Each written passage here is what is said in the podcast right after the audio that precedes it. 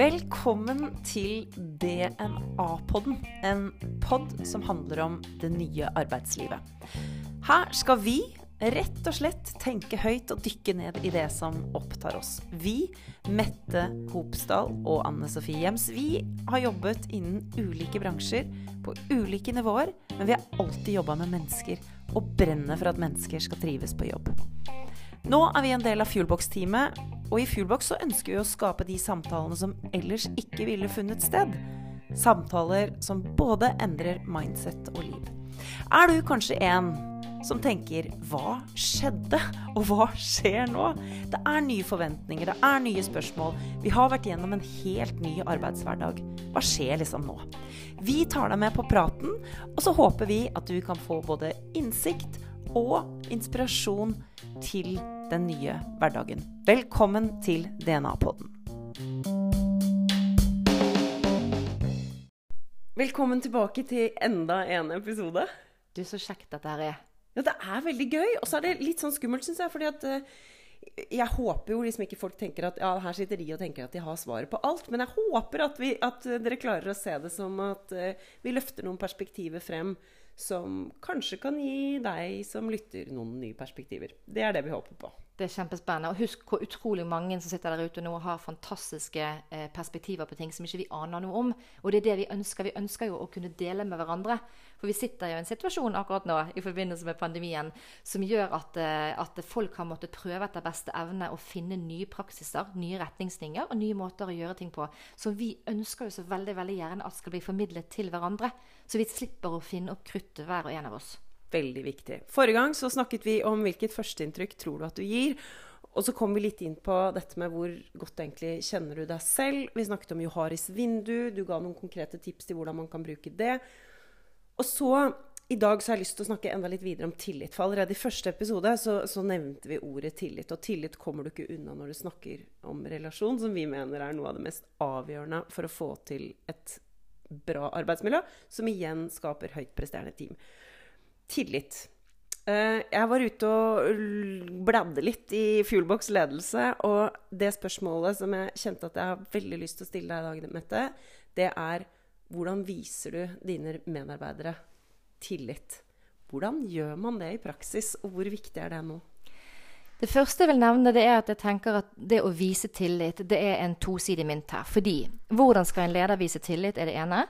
Men husk også at vi som medarbeidere vi har også et ansvar for å på en måte vise at vi kan forvalte den tilliten vi blir gitt. Og dette var jo det kjempespennende som, som var veldig relevant også under pandemien. For det 12. mars i fjor så ble jo alle sendt hjem. Og enten man ville eller ikke, eller var vant med å vise tillit som leder, eller ikke. Så fikk man plutselig en situasjon hvor man sendte alle sammen hjem, og man hadde ikke lenger oversikten over når folk eventuelt jobbet, eh, hvordan de jobbet, hvor de satt, og ikke minst det eneste man kunne måle på, det var resultatene. Og da må man jo virkelig slippe kontrollen. Da må man, liksom gi, da må man gi veldig høy grad av tillit, da. Det måtte man. Så, så, det var ikke lenger sånn Hvem på en måte av dere syns at tillit er smart å ha? Men det var, det var, helt umulig å ikke kunne ha tillit. Men det var sikkert mange som satt hjemme, og jeg opplevde jo eh, Jeg hørte en historie om noen eh, arbeidsplasser hvor lederne insisterte på at eh, medarbeiderne deres, når de ble sendt hjem 12.3 i fjor, skulle ha på både lyd og bilde på kameraene sine hele dagen, arbeidsdagen igjennom. Altså ikke bare i møter? Ikke i møter, men når de satt og jobbet, for at lederne skulle se at de satt og gjorde jobben, og ikke gjorde noe annet som å se på serier eller finne på noe. Og, og det er jo på en måte ytterkanten på andre siden av aksen, sant? hvor man merker at ok, dette med tillit, den lå ikke helt implisitt i mitt lederskap. Den gjorde vondt å måtte slippe den. Så, så, jeg tror at det med tillit ble jo ekstremt eh, Det ble jo presset på oss enten vi ville eller ikke. Og de som hadde mest tillit som ledere, fikk det bedre eh, enn de som på en måte hadde et ekstremt kontrollbehov. Så det var jo det første. Det ble veldig løftet opp nå gjennom pandemien, det med tillit. Men hvordan man kan vise tillit som leder, har jo vært f.eks. sånn som dette her med at du kan i hvert fall begynne med å ikke kreve at medarbeiderne dine skal ha på kameraet for å på en måte sjekke at ikke de snoker seg unna. Eh, og, og jeg, men, men, jeg tenker, Unnskyld at jeg avbryter deg, Mette. Men jeg tenker, dette handler jo også en del om selvledelse. Altså, du må stole på at folk kan lede seg selv. Mm. Hva tenker du om det? Jeg tenker at her har vi alle et ansvar. Det er lettere Altså hvis du har en, eh, en, eh, en leder som på en måte ikke gir deg tillit, så tror jeg at jeg også først ville tenkt hm, er det noe i måten jeg kommuniserer på, eller noe jeg står for, eller noe i min arbeidsgjennomføring som gir han eller henne grunn til å tenke at her er det en jeg må passe litt på, her er det en jeg ikke kan gi tillit, fordi at vedkommende ikke forvalter tilliten. Ok, Så du tenker at her ligger det et ansvar både hos oss som medarbeidere og hos oss som ledere? I høyeste grad. Og, og jeg tenker også at uh, dette, Nå kommer vi litt inn på selvledelse. Fordi at det som skjedde i løpet av pandemien, det var jo at uh, veldig mye av arbeidshverdagen og ansvaret for vår egen arbeidshverdag i enda større grad enn før ble slengt over på våre skuldre som medarbeidere. Hvor vi måtte planlegge hva skal vi jobbe med, hvordan skal vi jobbe, hvor skal jeg plassere meg, hvordan skal jeg rigge denne arbeidsdagen. Hvordan skal jeg sørge for på en måte at jeg får kontakt med de jeg må ha kontakt med? Hvordan skal jeg på en måte organisere meg? Og jeg tror jo veldig mange ledere har blitt overrasket i den perioden hvor mange som rett og slett har tatt det ansvaret og tatt og vist at de er gode på selvledelse. De fleste gjør det, og så er jo dette her et faktum. Vi har snakket jo tidligere om menneskelige, grunnleggende menneskelige behov. Og det her må få lov også å bli vist tillit, og det å få lov å få litt sånn autonomi, altså muligheten til å være med og bestemme over seg selv, og ikke minst sin egen arbeidshverdag, det er noe som i hvert fall jeg i min karriere opplever at folk responderer vanvittig bra på. Så når folk blir vist, får rammebetingelser hvor du på en måte får slekk, og du blir vist at jeg regner med og stoler på at du kommer til å gjøre jobben på best mulig måte, og at det har du, både, du har både evne eh, og vilje til å gjøre det, da skjer det noen magiske ting med at da skal jeg i hvert fall ikke skuffe og legge ned. Ja, for her er du jo inne på egentlig å rigge en bedrift for at vi stoler på at folk gjør jobben sin. Mm. Og det er jo igjen Jeg, jeg synes, høres nesten ut som Ludvig, kjenner jeg i en del av disse podkastene. Fordi jeg sier ja, men er ikke det litt farlig, da? For det er jo litt skummelt, det òg. Mm. Ja, det er skummelt. Men jeg tenker at um, dette her med tillit, det krever alltid at én part faktisk våger å ta det første skrittet. Så enten, og jeg har jo sagt det tidligere også i jobbsammenheng, at uh, når man treffer noen nye, så kan man enten ta utgangspunkt i at uh, 'jeg kjenner ikke deg', uh, 'jeg regner med at du er ganske dust', 'jeg regner med at du ikke gjør jobben din', 'jeg regner med at du har tenkt å lure meg'. Og så får vi på en måte jobbe sammen, så får vi se uh, om du klarer på en måte å jobbe deg opp til et nullpunkt. Hvis du viser meg at 'OK, du var faktisk OK', jeg, du forvalter tilliten bra'. Eller jeg kan treffe deg med et utgangspunkt hvor jeg, du har tilliten fra begynnelsen av. Hvor jeg tenker at vet du hva, utgangspunktet mitt er at jeg tror at du både vil og kan gjøre jobben. Jeg tror du er i stand til å forvalte all den tilliten og fleksibiliteten som jeg gir deg. Og så får jeg heller bli skuffet og ta det, de få casene hvor det viser seg å ikke være tilfellet.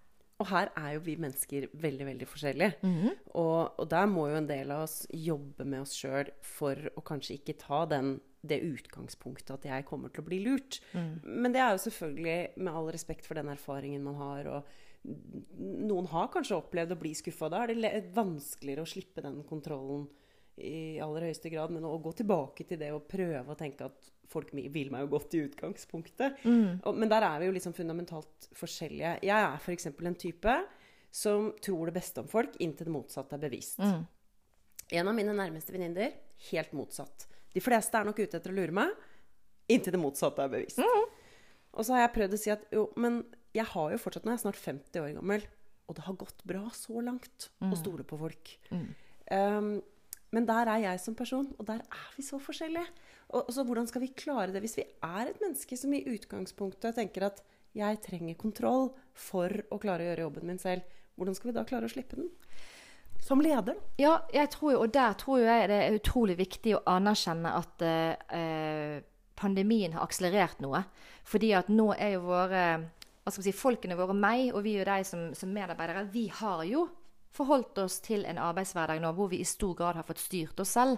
Vi har forvaltet det, De aller fleste har forvaltet det ikke bare bra, men ekstremt bra. Og mange rapporterer jo til meg om at de opplever jo at eh, deres medarbeidere har levert enda bedre under pandemien og de vanskelige forholdene eh, enn de har gjort før. Fordi at de har fått lov å liksom fått den følelsen av at jeg bestemmer over min egen arbeidshverdag. Jeg blir vist tillit. Eh, så jeg tror jo at når, når, på en måte man kommer tilbake nå, så blir det enda vanskeligere før pandemien å liksom ha et sånt eh, en sånn innstilling som du snakket om i sted, hvor man antar at folk er ute etter å på en måte lure oss og ta ting som ikke de egentlig har krav på. og Derfor så sørger vi for at systemet er rigget slik at det er fullt av kontrollfunksjoner, så du ikke skal få noe du ikke har krav på. Den tror jeg er vanskeligere for folk til å svelge nå. For de er vant nå i større grad enn før med å være hjemme, med å ha autonomi. Med å enten lederne ville eller ikke, så har de måttet stole på folkene sine. Så du tenker egentlig at nå når vi har en mulighet til å rigge bedriften vår på nytt, så skal man rigge uh, ting sånn at man, man, rigger det egentlig for de som gjør jobben sin. At man tar forutsetningen at de fleste ønsker å gjøre jobben sin på en bra måte. Og så for de andre det, det, problemet får komme, tenker du? Ja, jeg tenker virkelig det. At det handler jo egentlig om verdisyn, og som du sa i sted. Sant? Forskjell på deg og venninnen din. Eh, begge deler kan fungere fint, men når du skal være leder, så vet jeg av erfaring, og det vet sikkert mange av dere som lytter også der ute, at det å på en måte eh, ha en sånn innstilling hvor alle på en måte er duster frem til de har motbeviset, den fungerer veldig dårlig hvis du skal få et team til å levere. Fordi at det er igjen et grunnleggende behov hos mennesker å bli vist tillit og føle at jeg på en måte starter eh, Utgangspunktet mitt er at jeg starter med en som noen tror på, som min nærmeste leder ønsker skal lykkes, og som på en måte ser meg og prøver å få meg til å vokse, ikke som prøver å ta meg. Så jeg tror at, eh, jeg tror at det vil være veldig smart av enhver leder å rigge et system ut ifra de brorparten som faktisk gjør jobben. Det er i hvert fall jeg, min erfaring viser. og Vi har jobbet mye sånt opp gjennom årene de stedene jeg har jobbet. Og all erfaring tilsier, i hvert fall hos meg, eh, at eh, de som blir vist tillit, de aller fleste klarer å forvalte det. De aller fleste responderer ekstremt bra på tillit. Det gjør mye med både innsats og effektivitet. Og så vil det alltid være noen, for sånn er vi mennesker, det vil alltid være noen som ikke klarer å forvalte tilliten det blir gitt, som ikke tåler enten si, makt eller autonomi eller hva som helst. Men da får man ta de case by case, ikke rigge et helt system og en hel arbeidsplass ut ifra det. For det er mye, mye færre enn de andre. Jeg tenker at uh, det er uh, dagens siste ord. Og ganske konkret uh, med tanke på hva i hvert fall din erfaring tilsier at vi bør gjøre nå, når vi kan rigge hverdagen på nytt. Mm. Dette var slutten på det vi tror vi skal kalle første sesong. Eh, vi har eh, lagt opp til, Nå har vi hatt seks episoder. Eh, det kan absolutt hende at det blir mer. Jeg håper du vil følge med og se hva som skjer videre. Det har i hvert fall vært veldig gøy å sette i gang samtaler både med utgangspunkt i Fuelboxen, men også med, utgang, med utgangspunkt i din erfaring, min erfaring, og veldig gøy å se hvilke tilbakemeldinger vi også har fått fra dere som er lyttere, og det håper vi at vi fortsetter å få. Så med det så ønsker vi god God uh, Ha en fin dag, og ikke minst dag. lykke til med alt dere står i i deres hverdag, både som leder og medarbeider. Vi heier sinnssykt på dere. Tusen takk, og ha det bra.